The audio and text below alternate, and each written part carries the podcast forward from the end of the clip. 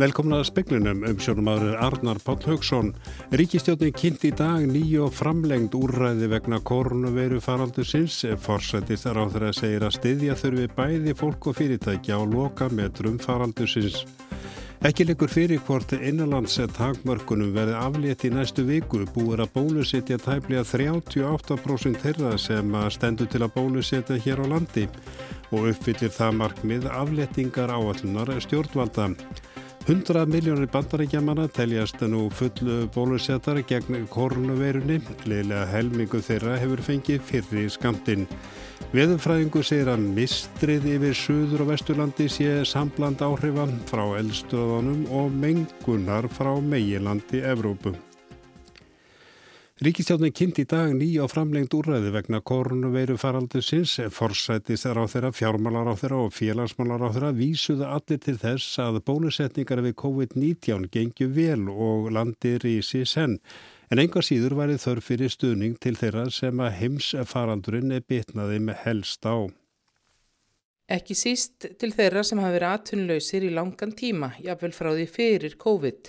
Svo á huga sérstaklega að velferð batna og ungmenna verja á 600 miljónum króna í viðbótar framleg til geð heilbriðsmála þeirra, 200 miljónum í aðgerða á allun félagsmálaráðunitis til að draga úr neikvæðum áhrifum faraldusins á börn, eldri borgara og félagslega viðkvæma hópa. Við erum auðvitað að byrja að sjá að andleg líðan, eh, barna og ungmenna, að það er eitthvað sem við þurfum að taka gríðarlega vel utanum á næstu mánuðum og vil ég segja 1-2 ár eftir að COVID líkur og við erum bara að byrja, að byrja þá vegferð. Segir ásmundur Einar Daðason. Bjarni Bendiktsson fjármálaráð þeirra vonar að aðgerðnar verið þær síðustu sem grípa þær til í faraldarinnum. Bæði sé verið að opna ný og útvíka fyrir úræði og verja í til þess miklu fjö.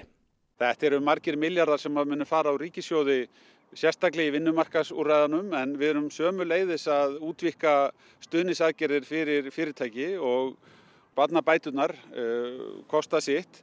Þannig að í heildina erum við að tala um marga miljardar en ég segi alltaf varandi kostnæðin að þetta er peningum vel varið. Kostnæðurinn við að gera ekkert er herri. Við erum svona á loka ringnum vonandi í þessum faraldri Við bólusetninga ganga vel og með vikur uh, núna í gangi bæði þessi vika og næsta vika þannig að við sjáum fram á bjartari tíma en við metum það líka að það þurfi að styðja bæði fólk og fyrirtæki gegnum þess að loka metri í faraldrinum. Þannig að við erum að leggja til framleggingar uh, fram á haust á úrræðum eins og ég segi ég vonast til þess að sumt að þessu verð ekki nýtt en það er þá mikilvægt að fólk geti búið við ákveðin fyrir sjáanleik og tröst segir Katrin Jakobsdóttir, Anna Kristín Jónsdóttir tók pistilinn saman. Búur að bólusetja tæplega 38% þeirra sem að stendur til að bólusetja hér á landi og fyllir það markmið aflettingar á allunar stjórnvalda. Svandís Svavastóttir þeirra segir þó ekki líka fyrir hvort takmörkunum verði aflétt strax.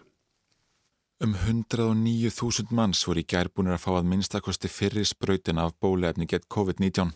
Þetta eru mjög jákvæða fréttir og við erum í raun og veru komin aldrei á undan áætlun með það hversu mörg hafa fengið eh, fyrirspröytu þannig að það er bara mjög ánægilegt að finna hvað er góðu gangur í þessu. Samkvæmt áætlun stjórnvalda er nú hægt að taka næsta skref til afléttingar einanlandstakmarkana. Nú eru 20 manna fjöldatakmarkanir en næsta steg áætlunarinnar gerir á fyrir 20 til 200 manna fjöldatakmarkunum og rýmri undan þáum fyrir tilteikna starfsemi meða við svona hvernig allt saman liggur og þá gerum við ráð fyrir því að, að við gætum verið í þeirri stöðu að, að eh, halda bara sömu stöðu og við erum með núna varðandi fjöldatakmarkanir. Sóttvarnalæknir staði fyrir í dag svigur hún veri ekki mikill að leta á aðgerðum og að betra vera að býða með þær til þess að ná betur utanum stöðuna. Býstu við því að einhverjum takmörkunum verði aflétt núna í byrjun mæ í samræmi við þessa áallun? Ég get bara ekkit sagt um það sko, við þurfum bara að sjá uh, svona, hvernig þessu vindur fram næstu daga. Og Þórólfur kemur til með að, að senda mér uh, minnisblad núna um helgina þar sem að hann leggur út af þeirri stöðu sem er í faraldrinum. En það er verulega ánægilegt að uh, hversu hratt uh, bólusetningarna ganga. Og við erum uh, með mjög góða viku að baki þá stærstu uh, til þessa. Og, og næsta vika verður ennþá stærri. Þetta var Svandís Svagastóttir, Yngvar Þór Björnsson talaði við hana. Stjórnamaður í reiknistóðu lífeyrissjóða og frangandastjóri lífeyrissjóðsins Byrtu segir að viðskiptarsambanda reiknistofunar við hugbúna fyrirtæki í nýtti sé til alvarlegrar endurskoðunar. Stjórn reiknistofuna sé opinn fyrir að óháður ansóng farið fram á viðskiptum og meðferð fyrirtækinsins á fjármunum lífeyrissjóðana. Líkt og greint var frá í kveiki í gæri rekstur á einu af tölvukerrum íslenskra líferisjóða í uppnámi eftir að í ljós koma þjónustuðali þess, Init EHF, hefur rukkað sjóðina um vinnu sem evasendir eru um að standist lög. Ólafur Sigursson sem situr í stjórn reiknistofu líferisjóða sem á og rekur tölvukerfið segir að senustu daga hafi nokkuð vatnurunni til sjávar og að von sé á aðgerðum. Já, það hefur ímislegt beist. Viðtalið eru þetta orðið þryggja veikna gamalt að ég held og viðskiptarsamband er auðvitað bara til alvarlegar endurskoðunar. Þetta úrræði sem við höfum samkvæmt gildandi samningi er til skoðunar og það held ég að hluta getur ekki farið fram hjá neinum að við höfum litið þetta alvarlegum augum mjög lengi og við munum ekki ræða það sko í gegnum fjölmila, við munum ræða það beint við á, tæpitungulöst á fundi með okkar sérfræðingum og það er stutt í að sá fundur mun eiga sér stað. Hann segir að til greina komið að ráðast í óháða rannsókna því hvernig fjármunum lífeyrissjóðana var varið. Við höfum ekkert á móti því ef það verður farið í óháða rannsókn. Við munum veita fjármála eftirlutinu og öllum þeim sem óskæftir gögnum allt það sem við höfum. Teljum okkur ekki hafa neitt að fela og munum hvetja íni til að gera því sama. Hann segir lífeyrissjóði og stjættafjölög vera uggandi vegna málsins. Að sjálfsögðu. Það, er, það líkar yngum við svona frettir og það er er reiknistofa lífeyrissjóðana sem er eigandi kerfisinn sem hefur málið á sínu borði og við höfum fengið þessa kvartningu frá gildi og fjölmörgum öðrum um að leiða þetta mál til líkta og halda umræðinu opinni þannig að sjófélagar okkar viti út okkar máli gengur. Sagði Ólafur Sigursson, Bjarni Rúnarsson tók saman Búið er að bólusittja 100 miljónir bandaríkjamanna að fullu gegn COVID-19 stjórnandi aðgera þar segir að þeir geti loksins varpað öndinni léttar eftir erfitt ár. Jeff Seens sem stýrir aðgerðum í baráttunni gegn koronaveirunni fyrir hönd bandaríkjastjórnar greindi frá þessu í dag. Hann sagði þetta merkan áfanga. Einn full bólusettu væru með ákvörðum sinni ekki einungis búin að tryggja vörn gegn veirunni heldur einnig að verja fjölskyldur, vini og aðra sem það umgengist gegn því að smittast. Frá því að bólusetningaherrferðin í bandaríkjónum fór hyggstandi af staði í desember er búið að dreifa 237 miljón skamtum af bóluefni. 55% landsmanna eru búin að fá að minnstakosti annan skamtinn. All nokkur hópur er þó efinsum að þykja bólusetningu. Samkvæmt rannsóknir Kaiser Family Foundation eru republikanar líklegri en demokrater til að aftakka. 29% þeirra ætla alls ekki að láta bólusetja sig, 5% demokrata og 9% óháðura. Áskil Tómasson sæði frá. Þó nokkuð mistur hefur legið við suður og vestulhutalandsins eh, síðustu daga. Elin Björg Jónastóttir viðfrængur segir að mistrið sé sambland áhrifa frá eldstöðunum og mengunar frá meilandi Evrópu. Móðan sem að kom í gær, hún var svona liklega mestuleiti eða svona meiri hlutanum gósmóða e, vegna þess að mökkurinn er búin að vera undir svona eila potloki. Það hefur verið svo stöðugt andrumsloftið að, að við hefum séð þetta svona kvöldin að mökkurinn hefur farið upp í ákveðna hæð og svo ekki náðun eitt lengra. Og við hefum séð þetta hérna í borginni og á söðunu sem að, að það hefur svona verið hægt að eila fylgja bara betni línu með auganu svona til, til norðurs í sunnanáttunum Mikill stöðuleiki hefur verið í lofttjúpnum yfir landinu senustu daga og verður því lítil blöndun. Hluti mistursins kemur frá yðnaði í Evrópu. Og fyrr í vikunni að þá sagt, reknaðist okkur til að það mistur sem að kom sem sagt úr austri hérna yfir borgina að það væri svona innflutt yðnaðamengun í raun og veru frá, frá hérna Evrópu. Uh, vegna þess að í þann dag að þá var austanátt og það var engin leið að gósmóðan væri í raun og veru að fara á móti vindi. Efninni hinnu blandaða gós og yðnaðar mistri mælast ekki á mælum umhverjastofnunar. Á næstu dögum að búast við norðan kvassviðri sem ætti að blása mistrinu suður um höfin. Bjarni Rúnarsson tók saman og rætt var við Elinu Björgu Jónastóttur í sítiðis útvarpin á Rást 2 í dag.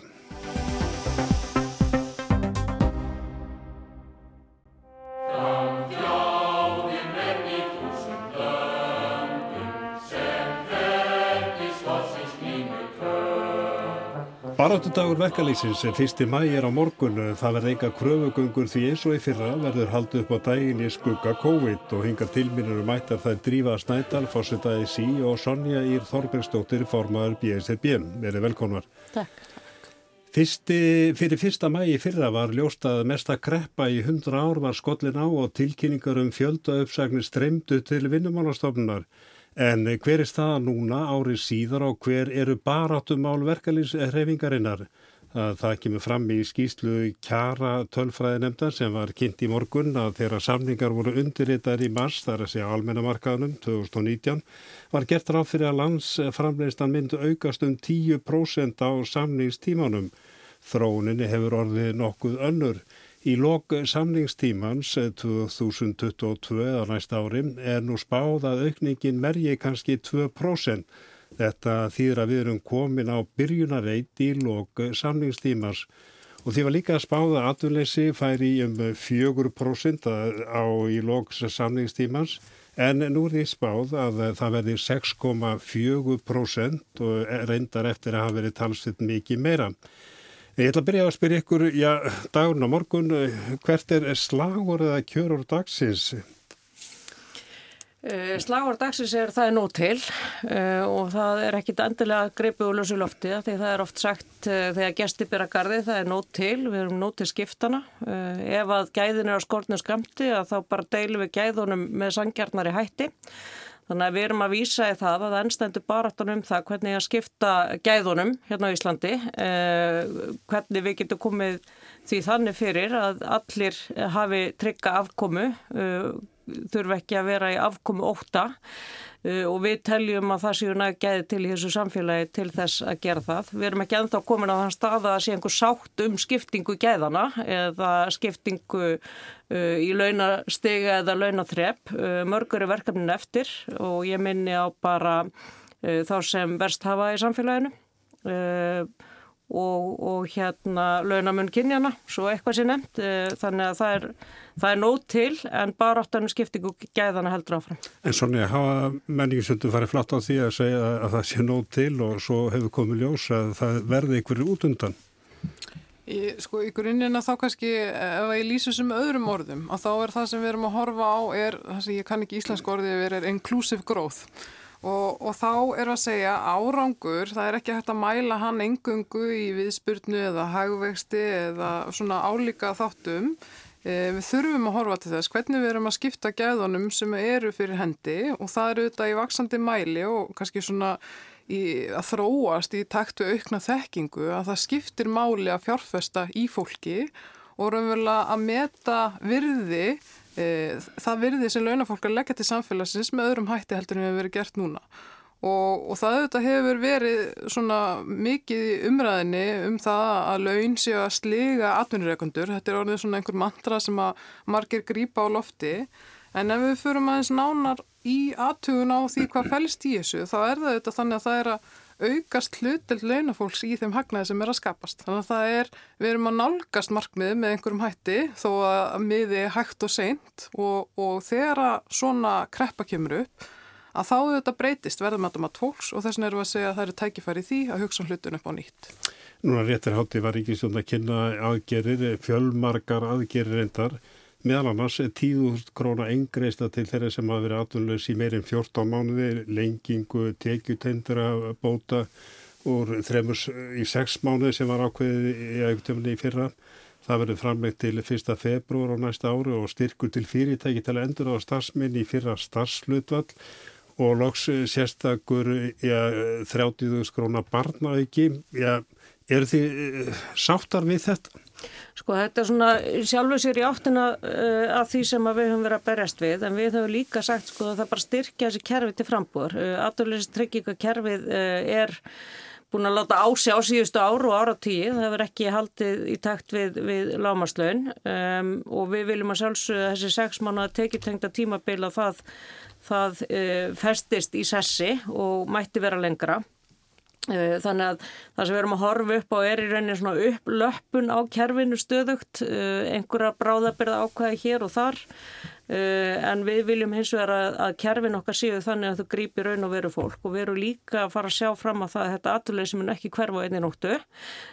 Við reyndar höfum að sjálfsögum metnað í að, að skapa nýstörf og þar, er, þar eru stjórnvöld á réttu róli með þessum, þessum hefjum störf átæki til þess að leggja áherslu á skapan í störf en það þarf að gera þetta samhliða að uh, verja almantryggakerfið og, og, og búa svo um nútana að það sé að sinna raunverulegu hlutverki sínu að grýpa fólk.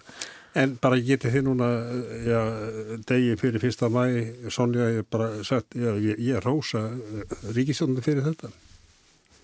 Það sem að kannski ég verða nefna fyrst út frá uh, okkar hópi hjá BSB er að ef að er, ef við erum í þeirri stuðu að sjá svona fyrir endan á, á baráttunum við veruna að þá er okkar hópur búin að standa í stafni í baráttunni og við höfum öll treyst á starfsfólk almananþjónustunar í gegnum þetta og þau eru svo sannarlega búin að sína fram á verðmæti sitt og þá finnst okkur ekki setna vætna heldur en þau fái greita einhverja rumvula launa uppátt, uppátt fyrir þetta þrekverki sem að þau hafa unnið núna í gegnum faraldurinn. En ég baði um að rósa ríkisjóninu, þú svaraði því ekki, ertu tilbúin að gera það?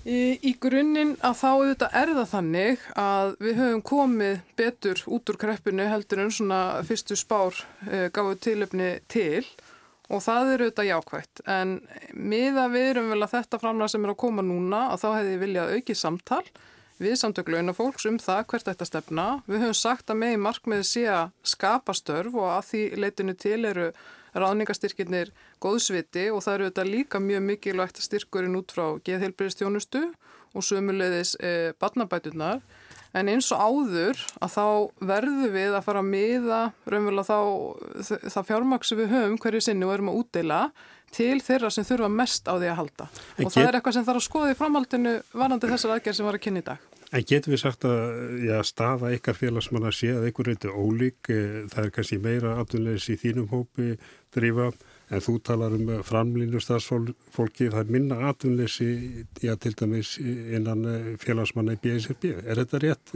réttu skilningur? Já, það er á sjálfsögðu starfsgreinaskipt, þannig að okkar félagsmenn sem eru til að missa voru að vinna í kringum flugvöllin og, og, og, og þann innað að þau að hafa verið að tappa sínum störfum En það skiptir raunverulega aðal máli í þessu og ég held að í flestu öllum öðrum starfsgreinum að þá þætti það sjálfsagt og eðlert að greiða fólki launa uppbót í samræmi við álæði sem að stendu frammefyrir og þetta er algjörlega fordamalösar aðstæður og fólk er búið að leggja allt í sölurnar í yfir eitt ár. En þú varst þetta að kynna þetta í þínu ávarfi, ég hef svo sem ekki alveg hyrt þetta nýlega svona launa uppbót eða einhvern bónus, eh, hjókunarfræðingar fengur endar eh, eingreislu á sínum tíma. Eh, hefur ykkur fært þetta í tal við já, stjórnvöld? Já, þetta eru þetta búin að vera krafan frá upphafi og, og eins og þú nefnir að þá var greitt framlýna álag til þeirra sem að starfa á heilbreyðstofnunum í kjölfar fyrstu bylginar. Það verður að segjast eins og er að hún var kannski svolítið snöðlega niðurstað þar upp á staðið út frá fjölda og þess fjármaks sem að fór í það en það er miklu meiri fjöldi sem er búinn að standa í ströngu og raunverulega búin að leggja mikið á sig personlega og það er þetta sem við óttumst líka í þessum efnum er hvort það verði neikvæða langtíma afleðingar af svona miklu álægi og það er miður að það hafi ekki verið hort meira til þess sem að svona raunverulega þessar áhrifa á starfsfólki í, í gegnum bylgjurnar allar. E, Drífa bara stutt, er það ennþá, já... Yfirgnæfandi krafi ykkar, þú myndist ekki á áðan að atvinnuleysis bóta tímanbili verði lengt. Já, við höldum fast við þá kröfu og þá tala ég um það í víðu samhengi að styrkja atvinnuleysis tryggjökerfið bæði að lengja atvinnubóta tímabilið og eins að hækka grunnbætunar uh, að því að þær hafa ekki haldi við hérna lámaslun eins og þær voru. Um, en síðan er náttúrulega tölvert mörgönnum mál og, og það sem við munum líka líta til núna eru ekki síst húsnæðismálinn sem eru risa stort mál, bara eitt stærsta lífskeiða mál hverjar manneski og fjölskyldu. Og síðan helberiðismálinn að því að við veitum það að við þurfum að vinda ofan af vanlíðan einangrun, uh, álægi og, og, og geðrannu vandamáli sem hafa fyllt uh, þessari uh, kreppu Uh, og ég held að það sé svona að fara öll á skilningi á því að þar þurfi verulega að gefa í og, og treysta þá hefur opibera heilbreyðskerfi en ekki fara í, í engavengu eins og nú eru blikur loftum.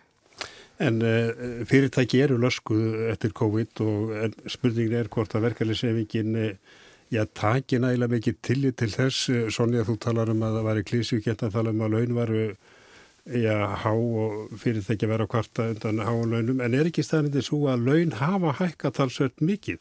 Það er ekki skýslan í morgun, kjara tölfræði skýslan nefndar að staðfesta það að já, til dæmis innan ASI eru laun að hækka frá 15,5% upp í 28,6% á þessum samnistíma. Já, uh, sem betur fer og uh, við skulum líka hafa í huga að við erum komin í rauninni einhverja svona nýja tíma hagfræðina núna, heldur að við vorum fyrir tíu ára síðan þó að sömur hérna á Íslandi eftir að skiptum forrið í kollinum á sér. Eh, að það sem skiptir mestu máli í svona uh, ástandi það er að verja afkomuna. Og ég held að það sé það sem við höfum gert sæmilega. Uh, það er að segja að rík halda í þá kjærasamningar sem gerði voru þrýsta á stjórnvöldum að afkomi bætandi aðgerðir. Um, af því að það er rauninni það sem eru snúi í hólum aðtunlýsins hérna á Íslandi um, og það eru hinn skynsum viðbröð við kreppu. Uh, ef við hefðum farið í að skella í lás, draga úr uh, kjörum, endur semja eitthvað slíkt, þá hefðu við hérna búið til panika ástand, fólk hefur verið að halda sér höndum, hefðu ekki ferðast í fyrrasumar, hefðu ekki verið að versla og halda hólum aðtunlýsins uh, gangandi hérna. Eh, þannig að ég held að, að því leitinu til með því að verja kjærasamningana, halda okkar streiki að þá líka sko ekki bara uh, varið afkomi fólks, heldur líka uh, gefið þau skýru skilabóð út í samfélagi að við ætlum að halda okkur streiki þetta samfélagi verður að halda skángandi nóg með þetta og what. En það er kannski ekki alveg fyrir bí að, að sé eitthvað grafa um að, að gefa eftir kjærasamninga vegna þess að nú er komin verðbólku og þá mátta heyra það frá aðurreikundum eða SA að eh, já, verðbólgan gæti verið knúin áfram með of miklum launahækunum. Hverju svarar þessu, Sóníða? Það eru þetta mjög margt sem að hefur áhrif á verðbólguna, þannig að það er ekki mjög sangjast að draga launa þáttinn einan þar til. Við verum þetta að horfa á gengi líka og, og raunverulega bara svona aukin kostnað á, á, á ráefni og aðflutning og, og svo framvegis. Það sem við hefum líka rætt áður hérna í þessum þætti er að fjórðungur launafólks næri ekki endum saman. Þannig að niðurst að kjara tölfræðinemdar um að það veri ákveð að fara í króntölhækkan í síðustu kjarasamningum að sínir að það var rétt ákverðun að þau eru hlutvarslega að hækka mest. En tímin er hins vegar skortinskamti því miður og uh, bara segið mér hérna hvað verður gert á morgun, sést bara fólkni fyrir fram á sjónvarpið og horfir á baráttumálinn. Já því miður eru korki farið kröfugöngun í hittafélagan í kaffi um, og það er, það er svolítið sárt, annar árið rauð. En við bjóðum upp á dagskrá á uh, Ríkisjónvarpinu um kvöldið uh, í samstarfið Ríkisjónvarpið Eh, heldarsamtök launafólks á íslensku vinnumarkaði og ég hvet fólk til þess að, til þess að hérna, setjast niður og, og finna barátt og andan fyrir frá viðtækina þessu sinni. Sonja, já, þú ert þannig að hugsa til fyrsta mæg á næsta ári, vonandi ekki COVID á? Nei, ég, ég saknaði þess mjög að geta ekki sapna saman og finna sko kraftin sem fælst í fjöldanum. Þannig að ég segi eins og drífa, ég vona fólk sapnist saman fyrir fram að skjáin og fái þennan andað í brjóst en, en ég hlakka rosalega til á næsta ári. Sonja Ír Þorbergsdóttir, formar BSRB og drífa snættæla fórsýtaðis í. Þakku kærlega fyrir og bara til hafa ekki með það eina morgun. Takk sem leiðis.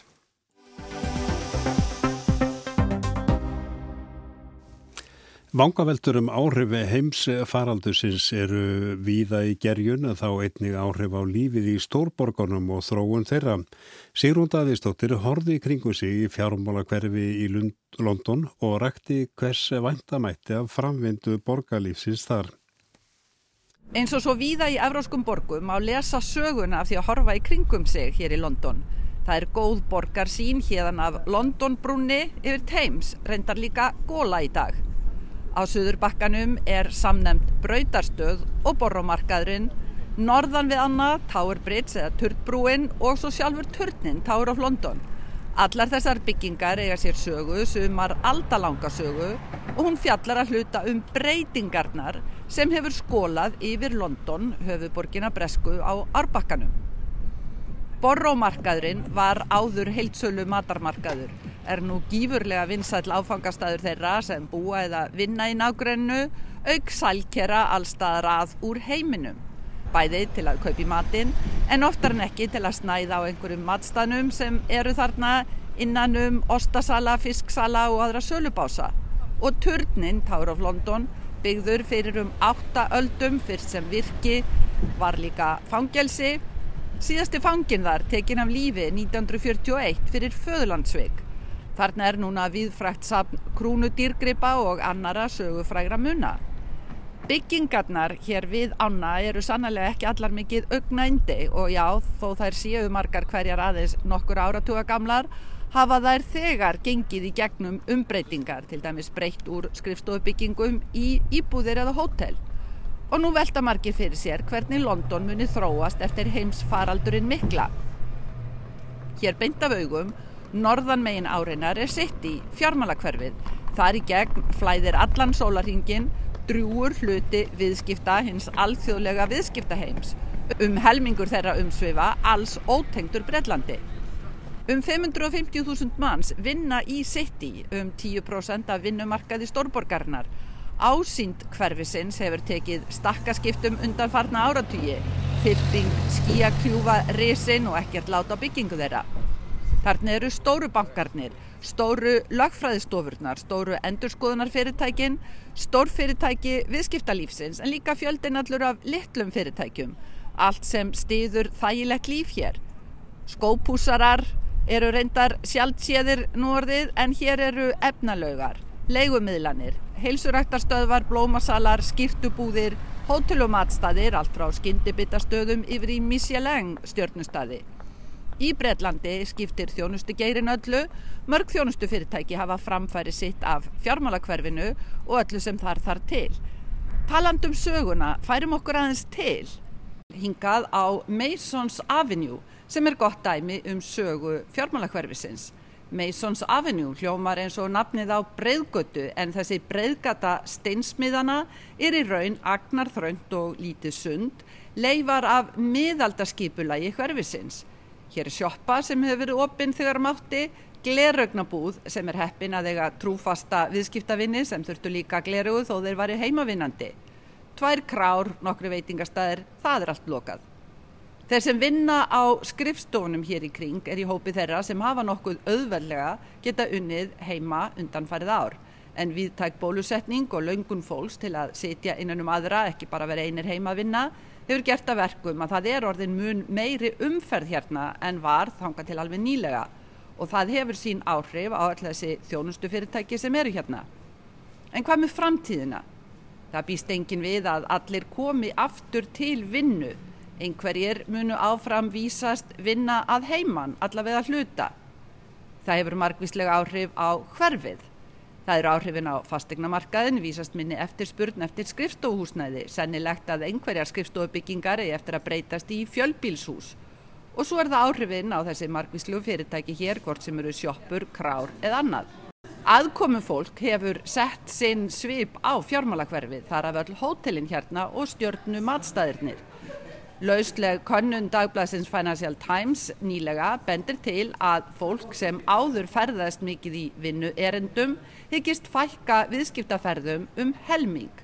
Það er drjútt, ekki aðeins fyrir flugfélagin sem hafa mest upp úr viðskiptaferðum, heldur einning fyrir hótelin og matstæðina þá líka hér í fjármálakverfinu. Í viðbót við veiru áhrifin er það Brexit áhrifin einmitt hér í fjármálakverfinu Í vetur hafðu um 40.000 störf horfið hérðan vegna Brexit. Mest hálunastörf hefur áhrif á hagkerfi hverfisins. Allt er þetta efni í sögubókina sem verður lesin úr yfirbræði borgarinnar í framtíðinni. Og þetta var Sigrun Davistóttir á Vappi í Lundunum í dag.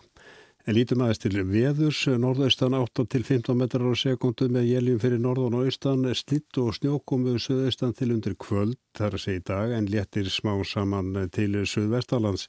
Og það verður svipað veður á morgun en úrkominn á söðaustulandi, hiti 6 til 10 stig á söður og vestulandi að deginum, en annars 1 til 6 stig. Og það var allra helst í fréttum hjá okkur í kvöldi í smeiklunum að Ríkisjóndi kynnt í dag ný og framlengt úrraði vegna koronaviru faraldusins. Forsætistráður að segja að styðja þurfi bæði fólk og fyrirtæki á lokametrum faraldusins. En þetta er ekki mikið lengra hjá okkur í smeiklunum í kvöldi. Tæknumar var Mark Eldred, verið sæl og góða helgi.